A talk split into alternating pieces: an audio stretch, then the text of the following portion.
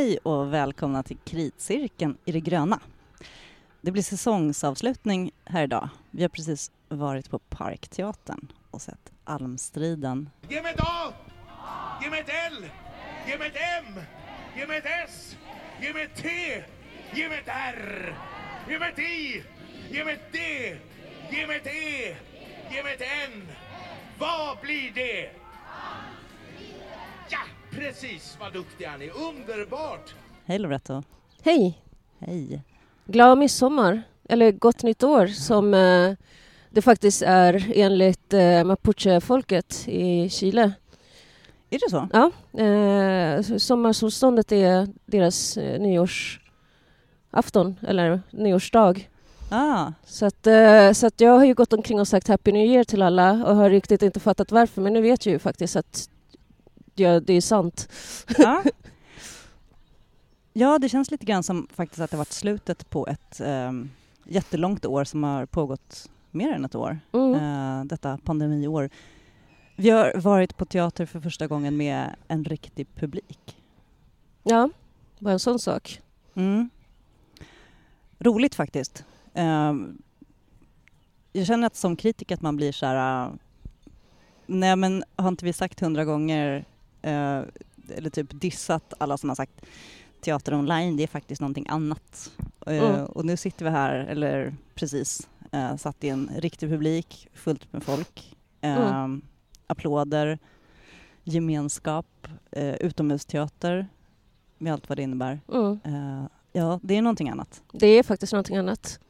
Alltså bara det att se um, alltså med statister och eh, orkester, ett 20-tal personer stå på scen eh, trodde man ju faktiskt inte skulle vara möjligt.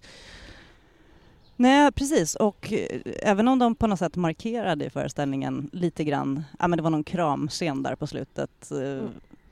De gjorde den där armbågstöntiga hälsningen. Um, när, närkontakten. Mm. Säga vad man vill, alltså utomhusteater är verkligen också alltid någonting annat tycker jag. Ja, Ehm, nej, men man är ju man är offer för elementen. Och det kunde man ju känna idag när det var mitt på dagen. Och liksom inte ens gassande sol men eh, likväl väldigt varmt och fuktigt. Mm. Nej men också så här att eh, sommarteater och utomhusteater brukar vara lite mer lättsamt, eh, lite mer så här, folkligt om man Mm. får använda det uttrycket utan att lägga någon värdering i det. Mm. Eh, det tyckte jag att de lyckades med faktiskt på Almstriden, även om ämnet eh, är ganska politiskt. Mm. Extremt. Eh, men folket som i, folket som i det demokratiska liksom, byggstening. Mm. Ehm, jag vet inte, jag tänkte på det faktiskt. För det kom ju en massa sådana uppmaningar under föreställningens gång. Så här, ja men eh, organisera er och Mm. säg ifrån. Uh, egentligen, den här är ju egentligen väldigt, det är ju väldigt politisk teater. O- ovanligt Mm. politisk för, faktiskt för att vara eh, Parkteatern och Sommarteater. Mm. Jag undrar om man tänker att det är lite mer safe eh, eftersom det har gått 50 år sedan Almstriden och på något sätt Ja, men alla vi som lever nu och ser träden som står i Kungsträdgården eh, tycker att de självklart ska finnas där.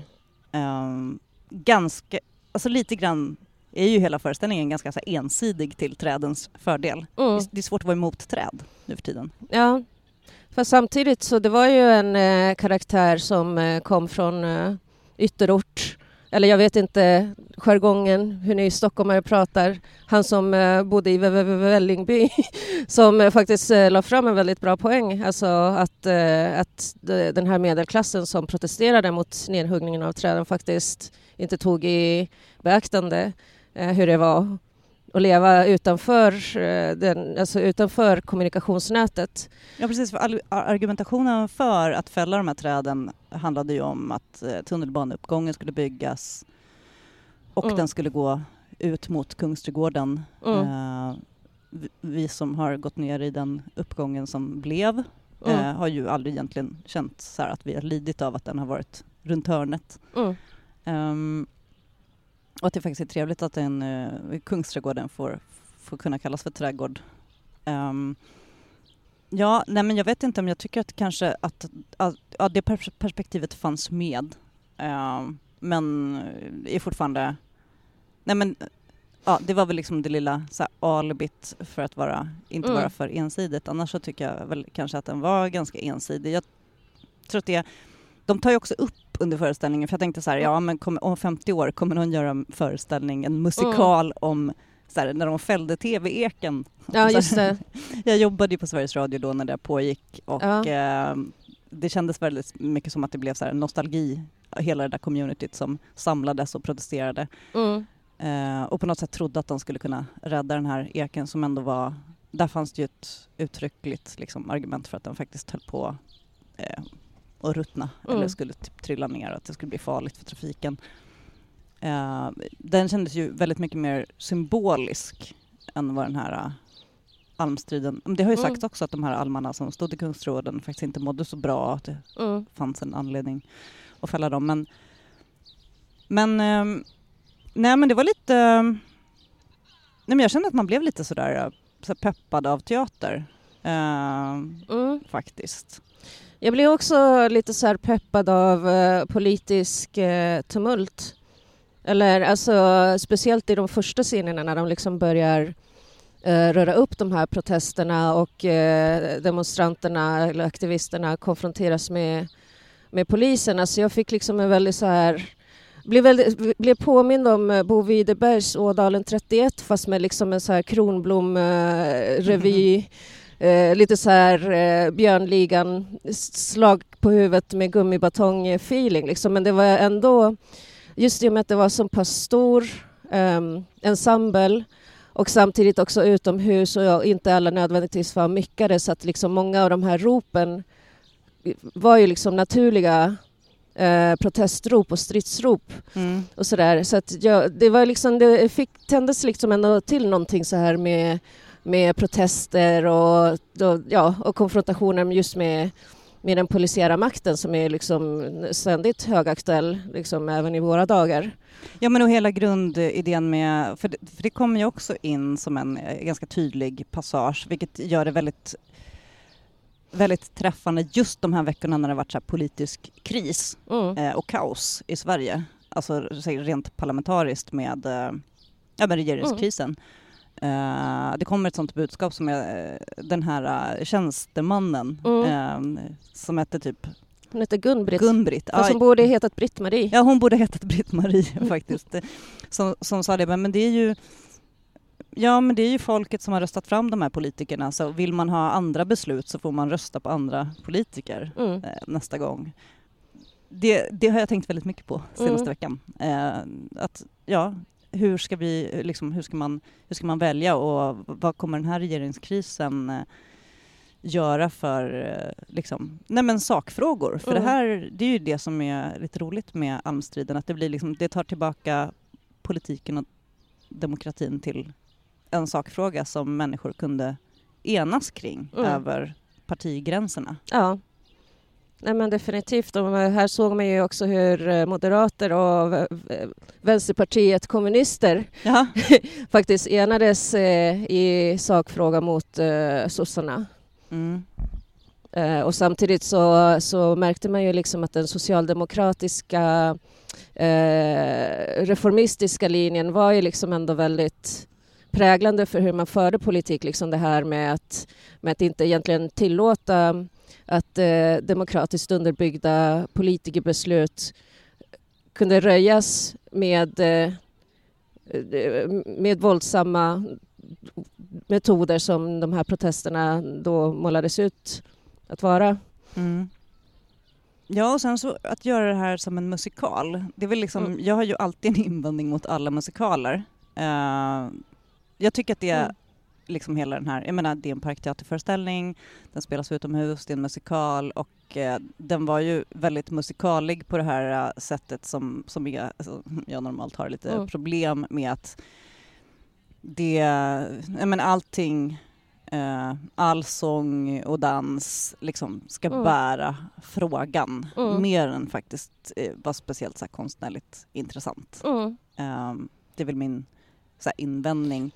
Politisk musikal naturligtvis. Jag menar det är ju, den traditionen finns ju. Ja, ja visst. Eh, men här görs det som någon sorts, mm, lite, nej men kanske någon så här uh, gyllene kompromiss mellan att det ska vara folkligt och utomhus och trevligt och Parkteatern eh, och sen ett ämne som ligger Mm. så pass långt tillbaka i tiden så att det kanske inte blir Nej men jag vet det är svårt att, jag funderar på så här, satt det någon i den här publiken som var så här, ja men jag tycker fortfarande att almarna skulle ha sågats ner liksom. Alltså det är Mm. ganska, ska man säga, safe. Ja. Kan ni liksom också känna att eh, utöver, alltså i, ska man säga, på materialet till den här föreställningen så, så marknadsför man den här pjäsen som en eh, pjäs som handlar om demokrati. Eh, och jag kan ju liksom tycka att det i mångt och mycket egentligen är mer ett slags krönikerspel över det här historiska förloppet. Eh, mer, mer egentligen en, eh, en, en liksom tolkande gestaltning av förloppet. Mm. Personporträtten är ju otroligt eh, förenklade. Mm. Alltså det är ju, vad ska man säga, noll relationer. Ja. Ehm, alltså det, karaktärsteckningen var verkligen, alltså de är, de är som spelare Mm. i spelet. Ehm, nej men alltså det, det hade man kunnat tänka sig också. Det är Stina Oskarsson som har skrivit manus. Mm. Um, det som ärendet är väldigt, väldigt tydligt. Mer Mm. än att det är så här... um, Nej men jag har svårt att tänka mig att det här är en musikal som kommer att liksom fortsätta spelas. Mm. Uh, det, är liksom, det finns ingen... Nej men vi lär inte känna de här personerna. Nej, Eh. utan vi vill känna eh, det här förloppet och hur det ses på 50 år efter att det inträffade. Mm. Alltså, det sägs ju i föreställningen också, eller så här ifrågasätts eller slängs ut som en fråga. Vem är det som skriver historien? Är det vinnarna eller förlorarna? Eh, vad ska man säga? Det känns ju som att det är vinnarna som har skrivit den här mm. berättelsen. Ganska mycket. Jag tyckte framförallt att det var väldigt trevligt att få gå på teater eh, med full Mm. ensemble och stor publik men, men ehm, man hoppas ju kanske att hösten har ja, men någonting mer liksom konstnärligt skarpare Ja, att eh, bjuda på. ja. Nej, men jag tyckte det fanns också så missade möjligheter med till exempel eh, med musiken. Alltså, det fanns ju en liten så här progg eh, tvärflöjt någonstans i bakgrunden där i början. Varför fick inte den vara med? Alltså, varför kunde man liksom inte bygga musiken kring, eh, kring den här revolutionära estetiken på 70-talet? Eh, det gjorde man ju inte, utan det var ju liksom verkligen liksom så här väldigt, ska man säga, bruksmusikal eller bruksmusik för att liksom passa in i texten egentligen. Mm. Mer än, eh, mer än liksom, eh, att låta musiken också berätta sin del av historia och liksom hur, hur musik faktiskt var en viktig samlingspunkt för människor på den tiden. Ja, och samma sak, liksom det dramaturgiska bygget eh, blir ju... För det tycker jag ändå ibland när det gäller som historiska skeenden och sånt som gestaltas på en scen, att man ändå fortfarande har, så här, ah, jag kommer inte på några bra exempel, men att man ändå kan fortfarande bygga upp mot den här liksom eh, vändpunkten, när ska vi få veta hur det går? Eller liksom... Eh, Men en historia är ju alltid spoilad. Liksom. Ja, men, men precis. Men det finns ju ändå, man kan ändå välja att dramaturgiskt bygga upp det på ett annat sätt. Den var ganska platt den här. Sen fanns det ju liksom någon sorts ram berättelse, det här som Robert Fuchs eh, gestalt, att han ska hålla ett, en studiecirkel kring Mm. almstriden. Ehm, jag, jag, jag vet inte om jag riktigt köpte den. Nej. Den hade varit okej om man hade spelat kanske inomhus på vintern i ett annat sammanhang. För man, det, det är ju liksom verkligen bäddat och liksom planterat nu om man ska ta den Mm. metaforen för att vi sitter här utomhus, vi sitter Mm. på Djurgården, eh, det är träd som står här runt omkring som man kanske fortfarande vill bevara. Eh, vi har liksom ett eh, miljö och klimattänkande som är ännu längre liksom, progressivt, Mm. eller man ska säga, nu. Ehm, att man kan tänka sig att man liksom skapar illusionen av att vi sitter här i Kungsträdgården. Det var liksom, nej men... eh, Ja, jag, jag kan förstå att det finns praktiska skäl men, men visst hade det varit schysst om den hade spelats i Kungsträdgården. Ja. Det trodde jag att det skulle göra faktiskt. Jag, har... jag, jag tror kanske att det var en sån plan. Ja. Uh, uh, det, det har ju varit liksom kompromissandets mm. år, eller ett och ett halvt år mm. nu under hela den här pandemin. Uh, och samma sak, och det tror jag någon nämnde i någon av sina recensioner. Jag menar, nu är vi ju sist på mm. bollen här men de säger att operakören stod där och sjöng. Just uh, varför var inte de med? Just det. Det hade varit häftigt på liksom, just nedanför, utanför Operan. Mm.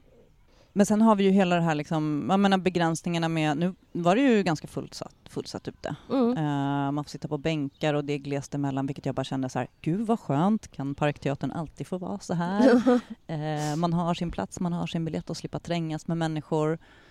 Uh, det här som jag hatar med Parkteatern är liksom när man, de gångerna man har gått på saker som man verkligen vill se och vill liksom fördjupa sig i så sitter mm. det någon jävel och drar upp sin pastasallad och geggar. Mm. Um, det, det känner jag så här, det får de gärna, om man ska spara någonting från, från pandemin så här, ja men kanske lite så här mer luft mellan, mellan ja. bänkarna och nu kommer en helikopter. Vi sitter jag så här precis nedanför Parkteatern i Galärparken på Djurgården. Um, jag har så lite grann så, så, svårt att föreställa mig nu hur det kommer att kännas att gå in och sätta sig och trängas på en teater igen. Uh, jag vet inte om jag är så sugen på det.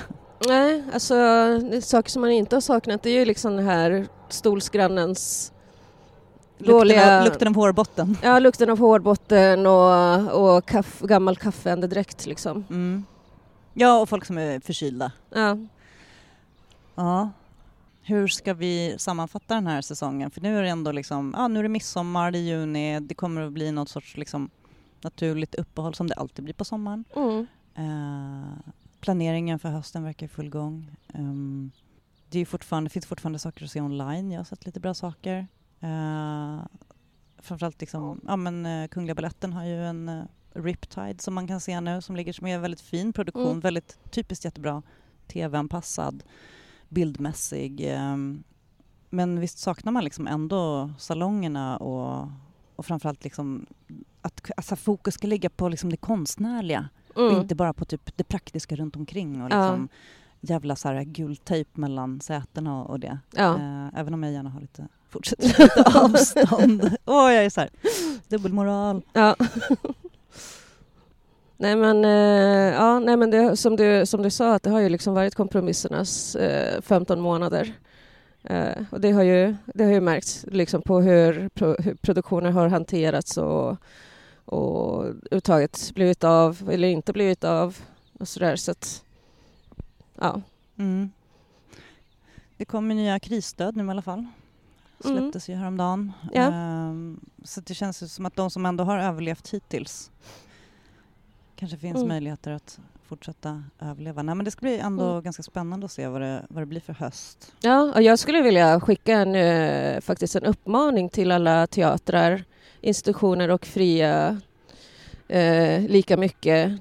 Alltså nu när vi ändå haft tillgång till de här krispengarna till dramatiker, beställ nytt för i helvete. Mm. Beställ nytt. Alltså det är ju faktiskt nu det går. Ja, det ska bli skitintressant faktiskt för att eh, som jag förstått också så ligger det ju, det har ju blivit som så här, eh, ja men du vet eh, när det blir kö på startbanan på flygplatsen mm. liksom, alltså folk väntar på sina slottider, det är som mm. vissa saker som har legat liksom och blivit pausade och pausade och pausade som på något sätt ska så få så förlösas i den mm. mån det går men alltså, så här, tankar och idéer som typ väcktes för typ ett par, två, tre år sedan liksom, mm. som fortfarande ligger och kanske så måste av praktiska skäl och ekonomiska skäl ändå sjösättas.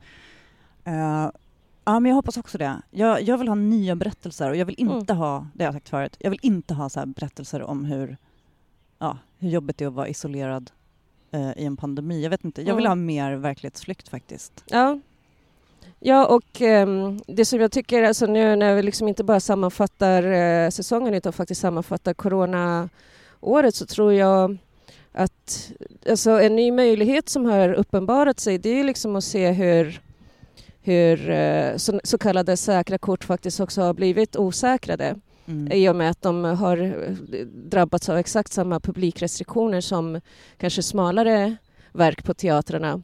Och, eh, och faktiskt kanske på något sätt förvalta vilka möjligheter det ger för att öppna upp även de stora scenerna, eller liksom öppna upp mer brett för smalare produktioner. Mm. För att eh, det är väl liksom inte säkert att de här dyra storsäljar, eh, publikdragande produktionerna ens kommer liksom eh, kunna rendera så mycket intäkter som, eh, som det är liksom prognostiserat för. Nej. Så får han satsa smalt istället och Ja, konstnärligt. Jag tänker så här, jag vet inte om jag är väl kanske referensperson men jag har ju varit så otroligt, det har saknat väldigt mycket och som jag känner att så här äh, online-möjligheten ändå gett Mm. så här, äh, mig utlopp för, det var ju alla de här internationella utbytena, även om jag tycker så här, Sverige och Stockholm så här, suger ganska mycket på Mm. att bjuda in internationella gästspel.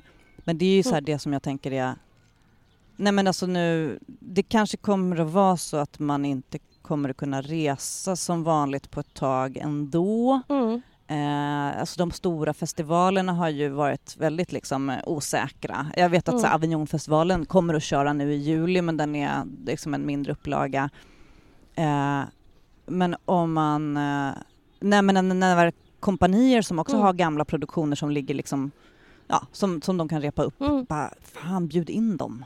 Ja. Eh, gud vad det hade varit underbart om vi Mm. bara fick så här, nej, lite mer så här festivalkänsla. Ja. Det vill jag ha.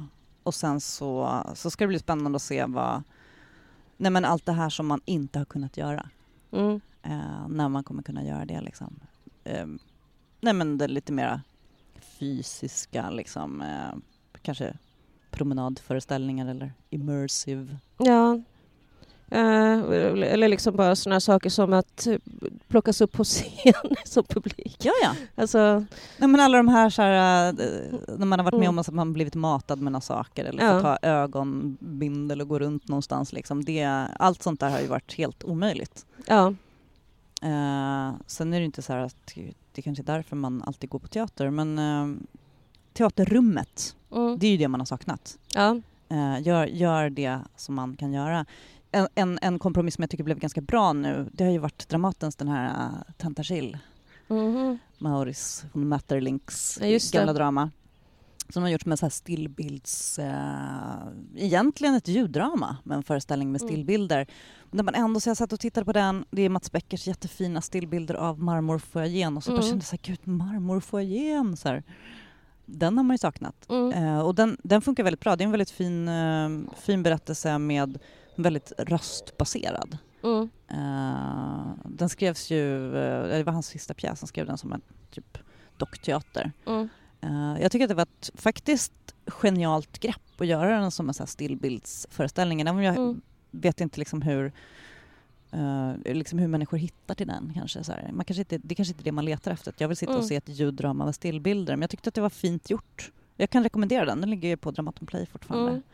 Mm. Eh, och där man får också njuta av det här som jag eh, ibland saknar på teatern. Men eh, det är väldigt bra röstarbete som Mm. Lena Endre och Stina Ekblad gör huvudrollerna. Mm.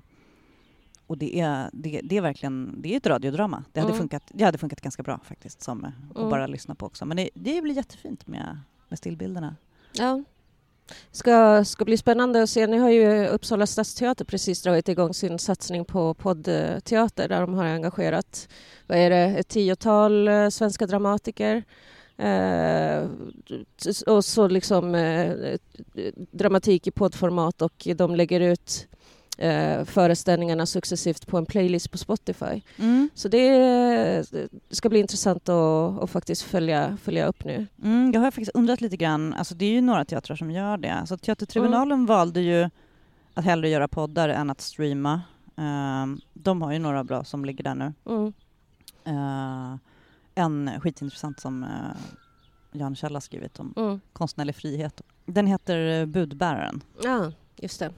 Mm, s- där man faktiskt kan dra väldigt tydliga paralleller till ja, men diskussioner om konstens frihet nu men hur, hur man under liksom, ehm, den abstrakta expressionismen, hur den liksom växte Mm. fram tack vare pengar från CIA. Och man tror att det är Mm. så här värsta konspirationsteorin egentligen men sen Mm. så liksom, det finns, det ligger en, eh, han har läst in en, liksom en essä efter, Mm. den ligger på Spotify, ehm, där han går igenom liksom, ja, men bakgrundsfaktan och hur, hur det ligger till. Och så tänker jag så jag har läst konstvetenskap, alltså, varför Mm. läste man ingenting om det här? Eh, den är verkligen eh, värd att lyssna på. Eh, det är verkligen tydligt hur, hur faktiskt, om man vill styra konsten så, och det har blivit Mm. väldigt tydligt just nu under pandemin, Mm. då är det via pengar. Ja, definitivt. det är ju, och det kommer ju den här utredningen också fram till, Mm. statliga utredningen nu, att ja, men, det man ger pengar till, det är det som blir av. Mm. Eh, så ser det ju ut i Sverige, så ser det ju inte alltid ut i alla andra länder där det finns andra hot mot konstens frihet och yttrandefriheten. Men vi har ju just det att det, det blir ju, ja, det, det man betalar för, det, det är det man får. Mm. Eh, och den som är intresserad av att, att få fram någonting eh, kan sätta igång och, och betala för det. Eh, och ja, eh, Jörn Kjell har också gett ut sina pjäser som han har skrivit för Tribunalen i en ny bok Mm. som jag precis har fått tag i, som jag ska läsa. Mm. Där den ligger med och en, en ny text som ska spelas i höst på Tribunalen, om allting går som det ska. Ja. Nej men eh, p- poddrama har jag tänkt är, liksom, varför har inte teatrarna satsat mer på det? Jag tror att en aspekt faktiskt, återigen, är ekonomi. Mm. Det är ju, som vi vet, det är lite svårt att få ekonomi i det här med poddar. Mm. Vi är liksom, eh, det finns en publik som förväntar sig att man ska få det gratis. Mm. Eh, och om man inte vill ha sponsrade samarbeten med liksom, kommersiella aktörer, eller vill Mm. eller kan, liksom, för att man har låg lyssning, så eh, nej men då måste man verkligen, då måste man verkligen vilja få ut sitt Mm. innehåll eh, snarare än att man gör det för något som, som någon sorts liksom, arbete som man Ja. tjänar pengar på. Ja. Hej, vi vet. Hej, vi vet. Ja, men det är ju kanske Ja. därför eh, vår lilla skara lyssnare som undrar varför det inte kommer oftare poddar från kritcirkeln. Så um, det har att göra Mm. med att vi har andra saker som vi måste göra som vi Mm. kanske får betalt för. Mm. Eh, men såklart, nej men det, det kanske, man kanske tycker att det inte kostar så mycket att producera en podd. Mm. Eh, men, eh, men det är tid Mm. och det är arbete. Mm. Och ibland måste man sitta ute mitt ibland båtar och fåglar. Ja. Har vi någonting annat vi vill säga om det här året? Ehm, vad har varit bäst, tycker du då, trots omständigheterna?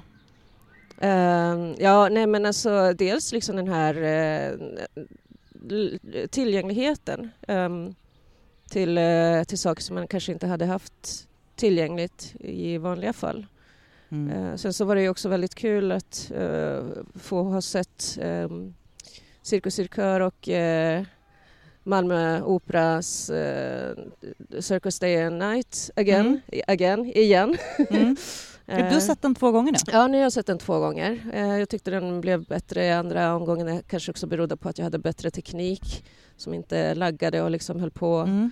och då störde. Så ja, den, den kan jag liksom nog säga är för mig mitt års bästa så här långt i alla fall.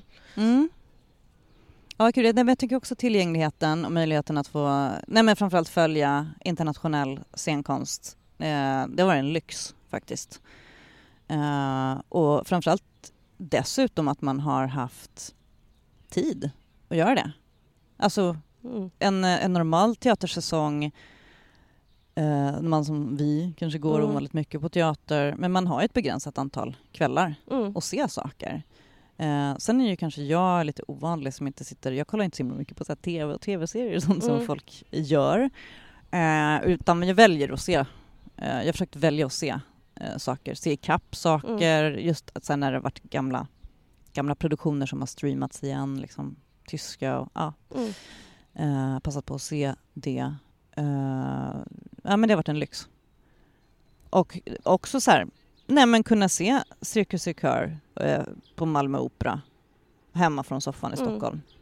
Alltså, när man bara så här, höftar på vad, vad det hade kostat att bara bränna ner till Malmö, bo på hotell, Mm. köpa biljetter. Det kanske man inte hade gjort. Nej. Såvida inte någon hade lejten för att göra det jobbet. Mm. Och det hade ju inte någon gjort. Nej. Men det ska, ja, undrar om de kommer att turnera förbi Stockholm. Det får vi se. Mm. Det är ju mycket som är väldigt osäkert faktiskt, än så länge. Med allt. Mm. Så får vi se om um, eh, sommaroperorna kommer köra igång. Mm. Kanske det blir en liten eh, blir anledning för oss kritcirkeln att haspla oss från eh, solstolarna och eh, kommentera någonting. Jag är väl lite så intresserad av eh, In Treibhaus på Vattnes med eh, libretto av eh, Ebba-Britt Brattström Mm. och musik av eh, Staffan Storm. Där har vi varit förut, Ja, där har vi varit förut. På roadtrip. Ja, Ja. precis. Nej men det skulle vara kul att göra någon sån här sommarutflykt. Det är ju några som har blåst av helt. Mm. Eh, men jag förstår det, det går inte att planera liksom. Nej. Ehm, det känns det så här semi som en eh, till förlorad sommar. Mm. Men eh, vi, hoppas, vi får hoppas på det bästa. Ja. Nej men nu kanske vi ska ta våran picknick här Ja, i gräset. ja. Ehm, tack Loretta Villovas tack för själv. den här säsongen och den här pandemin. Jag hoppas Ja. det inte blir några fler. Ja. Ses i nästa. Ja, och tack så mycket för att ni har lyssnat på Kritcirkeln. Jag heter Cecilia Djurberg och eh, det finns ju fler avsnitt att lyssna på om ni klickar runt lite. Eller följ oss på sociala medier. Där får ni veta om vi åker någonstans. Eh, om det blir något sommaräventyr. Ha det så bra så länge och trevlig sommar. Hej då! Hej då.